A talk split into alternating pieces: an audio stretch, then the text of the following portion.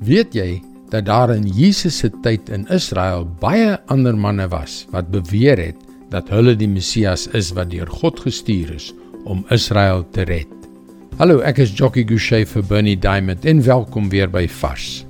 Dit was verwarrend vir die Jode wat wanhoopig gewag het op die Messias wat in die skrif beloof is.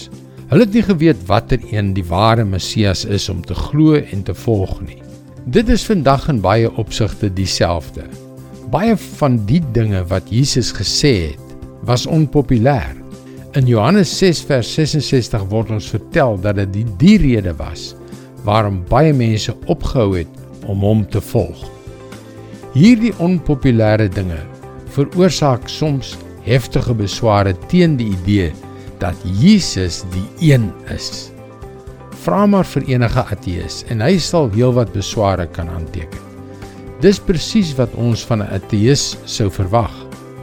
Maar wat ons nie verwag nie, is dat sekere Christene Jesus tot 'n baie meer aanvaarbare karakter wil verander.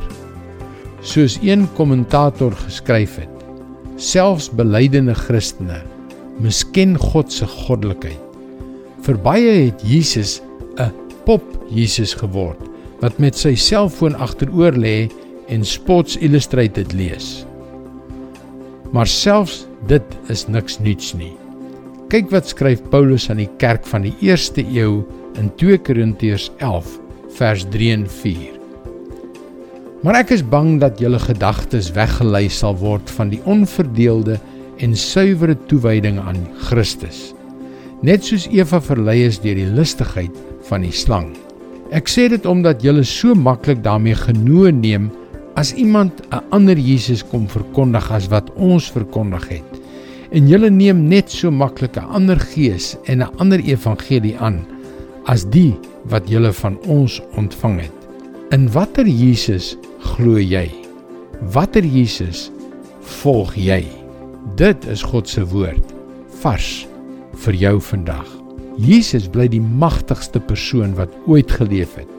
Maar dit was sy nederigheid aan die kruis wat ons gered het. Sy nederigheid het die verloop van die menslike geskiedenis verander. En dit is dieselfde nederigheid wat ons die krag gee om die wêreld van vandag nog te verander.